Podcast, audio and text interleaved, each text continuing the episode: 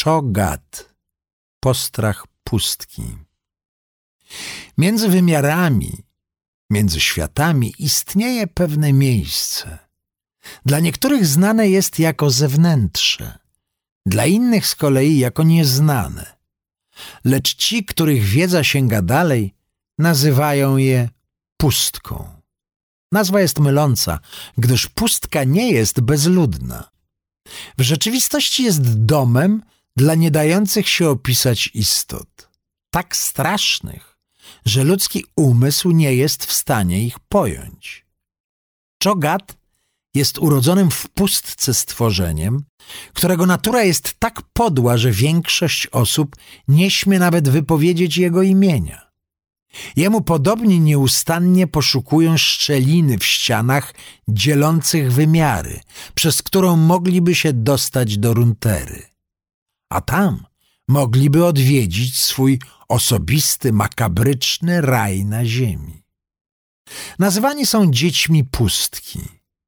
Istoty te są tak pradawne i przerażające, że zniknęły z kart historii.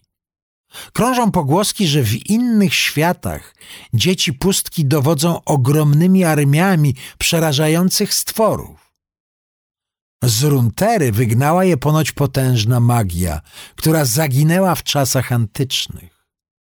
Jeśli historie te nie są tworem wyobraźni, to towarzyszące im plotki o spodziewanym powrocie dzieci pustki muszą być równie prawdziwe. Nawet w tej chwili coś mrocznego stąpa Wikati. Czogat, pozaziemska istota napastliwa i agresywna, sprawia, że wszyscy, może za wyjątkiem najodważniejszych śmiałków, kulą się ze strachu. Czogat wydaje się żywić ofiarami, rosnąc i puchnąc podczas każdej krwawej uczty. Najgorsze jednak jest to, że stwór jest inteligentny, potwornie inteligentny. Lepiej nie myśleć o tym, co jeszcze może się czaić w głębinach pustki. Kajsa, córa pustki. Być może najbardziej nadzwyczajną rzeczą dotyczącą Kajsy Nieustraszonej łowczyni z pustki jest jej zwyczajny początek. Nie wywodzi się ona z plemiennych wojowników hartowanych pokoleniami bitew. Nie została również przyzwana z odległych ziem, by walczyć z niewyobrażalnym zagrożeniem czającym się pod Szurimą. Była jedynie zwykłą dziewczyną, urodzoną w kochającej rodzinie, która nazywała bezlitosne południowe pustynie swoim domem. Właśnie tam spędzała dni na zabawach z przyjaciółmi, a noce na marzeniu o swoim miejscu w świecie. Kiedy miała dziesięć lat, jej przeznaczenie miało odmienić się na zawsze. Gdyby była starsza, być może zauważyłaby więcej niezwykłych zjawisk w osadach. Każdego dnia jej matka błagała ją, by została w domu w obawie przed nieznajomymi, pałętającymi się po świecie, którzy żądali ofiary dla mrocznych mocy w głębi. Kajsa i jej przyjaciele nie dawali temu wiary. Aż pewnego wieczora natknęli się na zagrodę ofiarnych kus kupionych od koczowniczych pasterzy. Nożem otrzymanym od ojca z okazji ósmych urodzin dziewczyna przecięła liny i uwolniła zwierzęta, które pobiegły do pobliskiego kanionu. Miał to być niegroźny żart, dopóki nie wydarzyło się coś niewyobrażalnego – Ziemia zaczęła się trząść, błyski światła przecinały niebo, a dzieci uciekały w obawie o swoje życie. Pustka została obudzona. Wielki wyłom rozciął skały i pochłonął osadę Kajsy oraz wszystkich jej mieszkańców, pozostawiając za sobą tylko piasek przebity czarnymi jak noc poskręcanymi kolumnami. Kiedy Kajsa odzyskała przytomność, była już głęboko pod ziemią. Przepełniał ją paraliżujący strach, ale wciąż istniała nadzieja. Słyszała stłumione jęki innych ofiar katastrofy. Nieustannie nawoływali siebie nawzajem, powtarzając swoje imiona jedno za drugim niczym mantrę. Niestety trzeciego dnia pozostał tylko jej głos. Jej rodzina i przyjaciele odeszli. Była sama w ciemności. Kiedy już wszystko wydawało się stracone, zobaczyła światło. Podążyła za nim w dół. Po drodze znajdowała jakieś marne zapasy. Pośród zgliszczy leżały bukłaki z wodą i gnijące brzoskwinie. Dzięki nim przynajmniej nie głodowała. Lecz ostatecznie głód Kajsy ponownie ustąpił miejsca strachowi.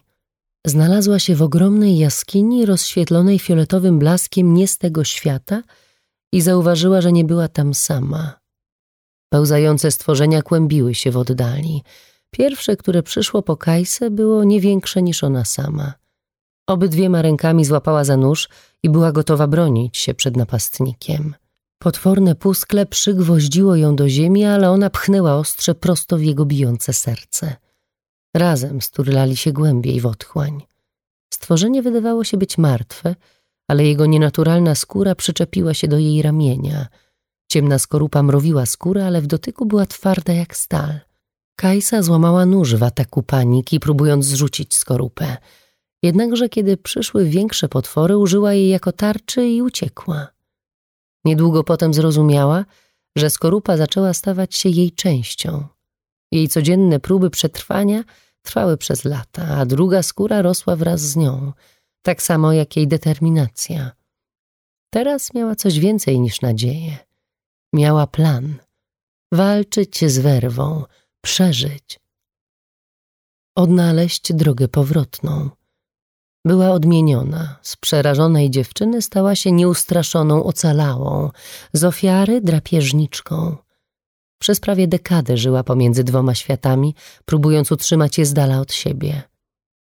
Pustka chciała pożreć nie tylko porozrzucane wioski na terenie Szurimy, ale też całą Runterę. Kajsa nie chciała na to pozwolić. Choć zabiła wiele stworzeń z pustki, była w stanie zrozumieć, że wielu ludzi, których chroni, ją również postrzega jako potwora. Jej imię zaczęło stawać się legendą, echem starożytnych potworności skazanej na zgubę i Kati. Nie nazywała się już Kajsa, ale Kajsa. Kasadin, wędrowiec pustki. Kasadin na początku swojego życia był wyrzutkiem, wędrującym po piaskach bezkresu saj u boku kupieckich karawan, by odciągnąć drapieżniki od bardziej wartościowych dóbr. Przeżył wiele takich wypraw na wskroś pustyni i zaczął być nie tyle przynętą, co przewodnikiem. Obcokrajowcy, którzy chcieli mieć jego talenty na swoich usługach, często kaleczyli szurimański, pytając Kasadin, co oznacza kogo zna pustynia. Dlatego też w zaułkach i na bazarach miasta Belzun znano go szerzej jako Kasadina. Spędził wiele lat na badaniu starożytnych ruin w swojej ojczyźnie, czym przynosił pracodawcom ogromne zyski. Dopiero na wykopkach nieopodal Zirimy znalazł własny skarb. Zakochał się w kobiecie z jednego z pustynnych plemion. Razem z żoną i nowonarodzoną córką Kasadin osiedlił się w małej osadzie pośród skalistych kanionów południa. Często wyjeżdżał, albowiem jego praca wymagała, by towarzyszył wyjątkowo wartościowym relikwiom w drodze do odległych mecenasów. Jednakże nieważne, dokąd prowadziły go jego podróże, zawsze powracał bogatszy o ekscytujące historie z zewnętrznego świata. W drodze do domu z dalekiego Piltover, kiedy Kasadin i jego współtowarzysze z karawany poili zwierzęta w oazie, napotkali pierwszych przerażonych, ocalałych, wytaczających się z pustyni. Opowiadali o katastrofie, która zabrała ich domy, o katastrofie, która niczym paszcza za światów otwarła się, by ich pożreć. Ledwie uszli z życiem. Jako, że obawiał się o bezpieczeństwo swojej rodziny, Kasadin pozostawił innych i wracał czym prędzej do domu, doprowadzając wierzchowca na skraj wyczerpania. Kiedy wreszcie dotarł do miejsca, w którym kiedyś stała jego osada, natrafił tylko na ruchome piaski i żwir. Przedzierał się przez zgliszcza, dopóki jego ręce nie zaczęły krwawić. Wykrzykiwał imiona żony i córki, ale nie było odzewu. Kilka dni później towarzysze Kasadina dogonili go, lecz on był już tylko skorupą człowieka. Płakał pod piekącym słońcem. Zaciągnęli go z powrotem do Zirimy, ale Kasadin nie chciał iść dalej. Latami próbował utopić swój smutek. Był jedynie ulicznym włóczęgą, dopóki do miasta nie dotarły wieści o proroku. Szepty o niewypowiedzianych okropieństwach czających się pod ziemią i o ofierze składanej ku ich czci dogłębnie przeraziły Kasadina. Dobrze znał legendy o starej Kati, o losie, który spotkał to przeklęte miejsce. Jeżeli pustka została rozmyślnie przywieziona do Szurimy po raz kolejny, to najprawdopodobniej właśnie ona była winowajczynią zniszczenia całej jego osady i straty niezliczonych istnień. Wiedział też, że niewielu, o ile ktokolwiek, potrafi stawić jej czoła. Właśnie wtedy Kasadin poprzysiągł pomścić swoją rodzinę i zniszczyć tego zdradliwego proroka razem ze źródłem jego mocy. Był człowiekiem, który zarabiał na chleb wyznaczaniem bezpiecznych dróg przez najbardziej niebezpieczne tereny. Postanowił zatem uzbroić się w najbardziej magiczne i ezoteryczne przedmioty znane Waloranowi, przepełnione zauńskim geniuszem i pobłogosławione przez duchownych uzdrawiaczy z Joni. Wyjawiał przysługi wszystkim, od nauczycieli starożytnych nauk po zwykłych przemytników, oczekujących w zamian jedynie pomocy w uzyskaniu tego, czego szukał. Wielu okrzyknęło go szaleńcem, wierząc, że ostatni raz widzą starego przyjaciela żywego.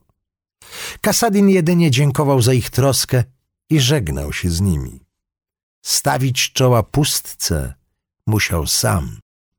Na koniec ukradł piekielne ostrze Choroku, miecz, który zabił tysiące zdrajców w ostatnich dniach imperium. Czuł mróz zagłady dobiegający z ostrza, ale nie przejmował się już własną śmiertelnością i nie miał też nic do stracenia. Przebrany za pielgrzyma, ponad dziesięć lat odkąd postawił stopę w pobliżu tamtych wymarłych ziem, Kasadin wyruszył do Ikati. Wybrał się tam, gdzie żaden człowiek nigdy nie powinien wędrować. Chciał dokonać zemsty, nawet za cenę własnego życia. K. Zix, łowca pustki. Nikczemny drapieżca pustki, Kazix, przedostał się do Valoran, aby pochłonąć najbardziej obiecujące stworzenia tej krainy. Z każdym mordem przechodzi nań moc zabitej ofiary, a tym samym Kazix staje się coraz bardziej potężny. Kazix dyszy chęcią unicestwienia i pożarcia Rengara, bestii, którą uważa za równą sobie. Kiedy Kazix przekroczył granicę tego świata, był wątły i wygłodniały. Stworzenia, które początkowo napotykał na swej drodze, były zbyt drobne, aby zaspokoić jego potrzebę szybkiej ewolucji. Właśnie dlatego Kazix postanowił polować na najbardziej niebezpieczne z napotykanych stworzeń.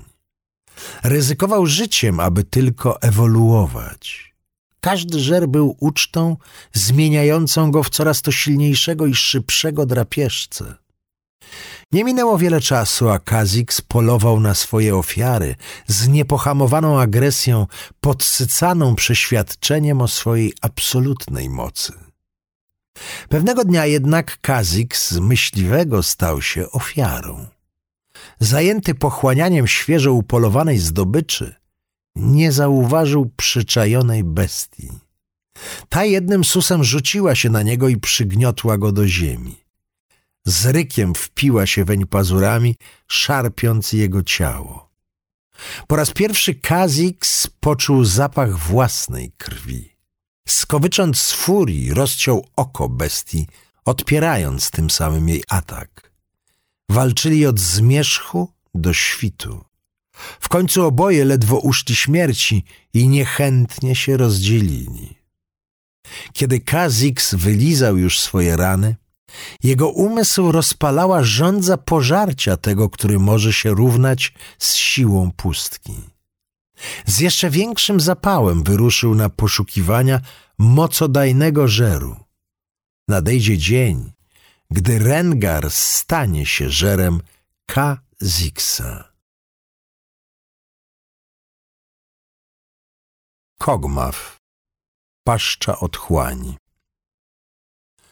Prorok Malzachar odrodził się w Ikati, gdyż sprowadził go tam złowieszczy głos, który następnie na stałe zagościł w jego psychice.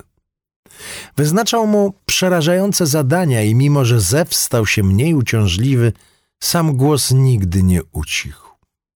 Złowieszcze światło koncentrujące się w jednym miejscu, runterze, przyciągnęło odrażającą bestię, która niczego nieświadoma stąpała po krawędzi, pogłębiając pęknięcie między przestrzeniami, którym nie było przeznaczone złączyć się ze sobą.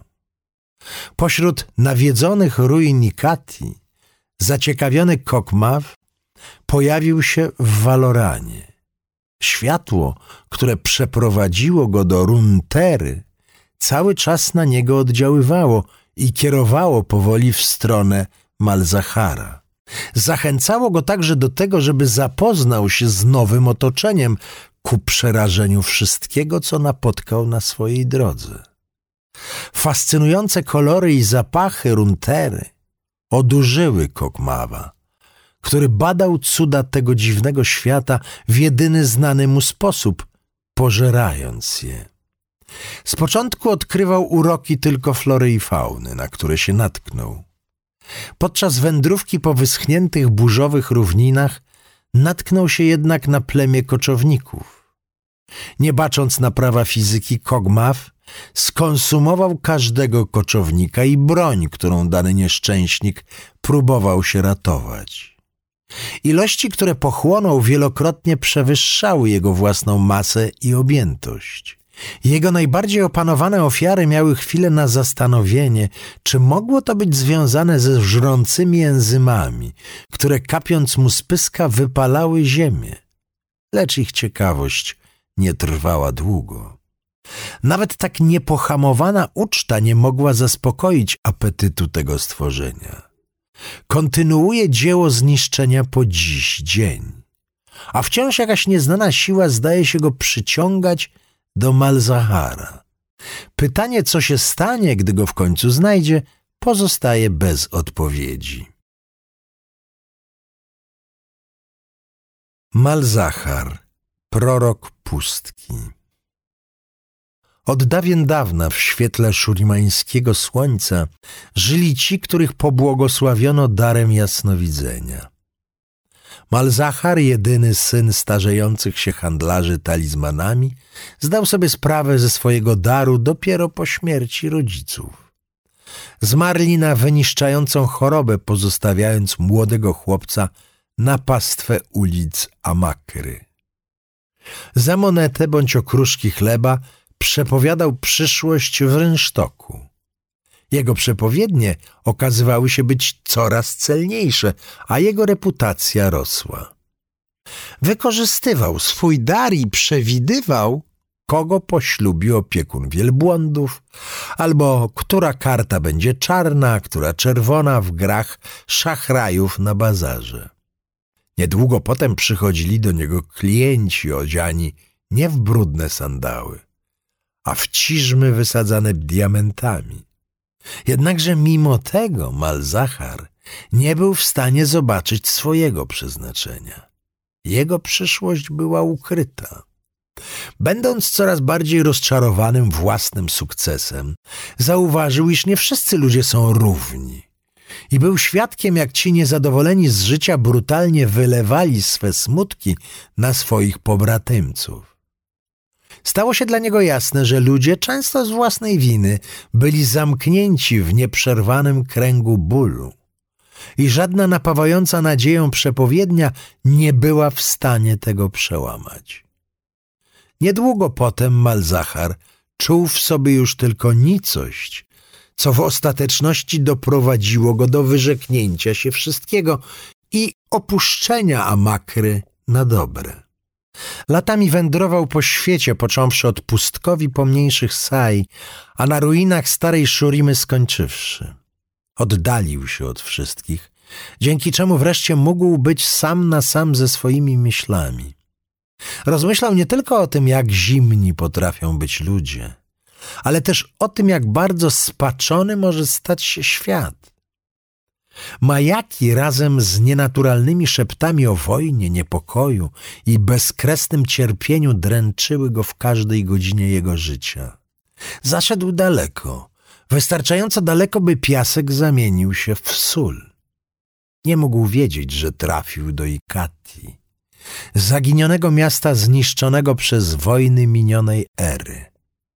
Tam, spozierając prosto w głębie otchłani, Malzachar otworzył swój niespokojny umysł. Desperacko potrzebował zrozumienia. Pustka odpowiedziała. To byłby koniec każdej innej opowieści, ale jakimś cudem Malzachar przetrwał. To, co leżało w ciemnościach pod ziemią, otarło się o duszę złamanego wieszcza i choć chwila ta trwała tylko ułamek sekundy, jego umysł został całkowicie nasycony nieprzeniknioną energią. Samotna postać, która wydostała się z Ikati, nie była już człowiekiem, a czymś więcej. W otchłani Malzachar ujrzał koniec całego cierpienia, którego był świadkiem jako śmiertelnik. Uświadomił sobie, że przyszłość, rzekomo przed nim ukryta, była wizją jego prawdziwego powołania. Miał popychać świat ku nieuniknionemu zapomnieniu. Musiał powrócić do swoich ludzi i szerzyć słowo świętej nicości, która z chęcią ich przyjmie, nie bacząc na to, czy wierzą, czy też nie. Miał się stać zwiastunem zbawienia świata. Malzachar znalazł swoich pierwszych apostołów wśród nomadów głębokiej pustyni. Na oczach tych niedowiarków użył swoich nowych, nadanych mu przez pustkę mocy i rozdarł ziemię, przywołując pełzające, potworne stwory, gotowe zabić każdego, kto mu się sprzeciwił. Kilka miesięcy później dziwne plotki zaczęły rozprzestrzeniać się razem z kupieckimi karawanami. Plotki o mężczyznach i kobietach z ochotą poświęcających się ukrytym mocom plotki o potężnych trzęsieniach ziemi, otwierających skały Szurimy, w pęknięciach długich na setki kilometrów. Od tamtego momentu legenda Malzahara trafiła nawet do północnych portów. Wyznawców proroka było coraz więcej, a ludzi w pobliskich osadach Ponoć nawiedzały złowieszcze wizje, wyciągające ręce po ich serca. Strach dał początek przesądom i teraz nawet niepokorni mieszkańcy odległych pustkowi składają zwierzęta w ofierze, by zaspokoić stworzenia pełzające pod powierzchnią. Nie domyślają się, że to jedynie pomaga Malzacharowi w staniu się pasterzem końca świata. Reksai Furia pustki Największa i najokrutniejsza ze swego gatunku, Reksai jest bezlitosnym drapieżnikiem, który drąży tunele w ziemi, aby zaatakować i pożreć ofiarę. Jej nienasycony głód odpowiada za zniszczenie całych regionów, niegdyś wspaniałego imperium Szurimy. Handlarze, kupcy i uzbrojone karawany będą nadrabiać setki kilometrów, aby ominąć te tereny, chociaż przebiegli bandyci są znani z wabienia nieświadomych ofiar na jej tereny łowieckie. Gdy Reksai cię wykryje, twój los jest przesądzony. Nie ma nadziei na ucieczkę – jest śmiercią nadciągającą spod piasków. Welkos, oko pustki. Aby w pełni zrozumieć grozę, jaką jest Welkos, trzeba najpierw poznać historię obserwatorów i ich ślepoty na świat śmiertelników. Za wymiarem materialnym, a raczej pod nim, znajduje się ziejąca otchłań. Jest to kraina pustki, w której nie ma miejsca dla istot śmiertelnych ani nieśmiertelnych. Nie ma sensu pytać w jaki sposób czy dlaczego powstała. Liczy się tylko to, że istnieje. Pustka jest wieczna. Pustka pożera wszystko. W lodowatej, bezkresnej ciemności rządy sprawuje nieprzenikniona nicość. Przez wiele eonów była na swój sposób czysta. Panował pokój, o ile takie słowo może mieć tam jakiekolwiek znaczenie. Nagle coś się zmieniło. Nie w świecie pustki, lecz gdzieś indziej. To było życie, to było coś, co pojawiło się znikąd, ocierając się o olbrzymie, zimne, bezkształtne byty, dryfujące pośród kompletnej ciemności. Przed tym wydarzeniem nie były one nawet w pełni świadome swojej zdolności odczuwania zmysłami. A teraz nie mogły już ani chwili dłużej znieść obecności tego czegoś, innego świata pełnego obezwładniającej siły tworzenia. Byty przyglądały się uważnie, analizowały, a wkrótce obserwatorzy sami zaczęli być obserwowani. Malutkie umysły śmiertelników, które próbowały ich dosięgnąć, nie zasługiwały na uwagę. Były jak przebłyski światła na najdalszym skraju otchłani. A jednak obserwatorzy dostrzegli w nich szansę na wdarcie się do świata materii, zniszczenie go i uciszenie nieznośnego pulsowania rzeczywistości poza obrębem pustki. Najśmielsi z nich rozerwali zasłonę i pomknęli w górę, lecz pogubili się w nieznanej dotąd liniowej, materialnej naturze rzeczywistości. Na chwilę pojawiły się czas, ciepło i ból, a później wszystko ogarnął chłód. Przejście zostało zamknięte, a dziesiątki obserwatorów utknęło bez ruchu w przestrzeni pomiędzy dwoma światami. Ci, którzy pozostali w pustce, musieli się cofnąć. Nie mieli pojęcia, co się wydarzyło, ale wiedzieli, że zostali zdradzeni. Postanowili przystosować się do sytuacji. Sięgając do obcego świata, obserwatorzy zaczerpnęli z prymitywnej materii, z którego się składał. Nadali jej kształt, wypaczyli ją i obdarzyli świadomością. Twory te były pierwszymi z dzieci pustki, które stały się jej oczami i uszami, wysłane do krainy koszmarów, by obserwować, słuchać i zdobywać informacje. Jeden z nich zdecydowanie się wyróżniał. Był prawdopodobnie najstarszym z pomiotów, a na pewno istniał najdłużej poza granicami otchłani. Nieszczęśnicy, którzy mieli okazję go spotkać, nadawali mu wiele imion.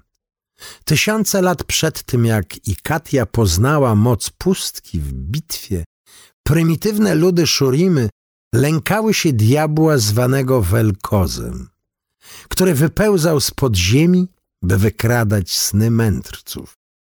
Choć jego miano nie ma dosłownego tłumaczenia we współczesnej mowie, oznacza mniej więcej pojmować przez zagładę. Nienasycony głód wiedzy doprowadził Welkoza w najdalsze zakątki świata, na najwyższe szczyty i do najmroczniejszych głębin. Ten sprytny i metodyczny stwór w milczeniu obserwował, jak rodzą się i upadają cywilizacje. Poświęcił wiele stuleci na przeczesywanie dna oceanu, by odkryć jego tajemnice, a nawet śledził ruchy gwiazd na nieboskłonie. Całą zdobytą wiedzę zanosi z powrotem do wyłomów w materii runtery, żeby podzielić się nią z obserwatorami. I bez wahania zabija każdego śmiertelnika, który stanie mu na drodze, bowiem pustka jest wieczna i pożre nas wszystkich.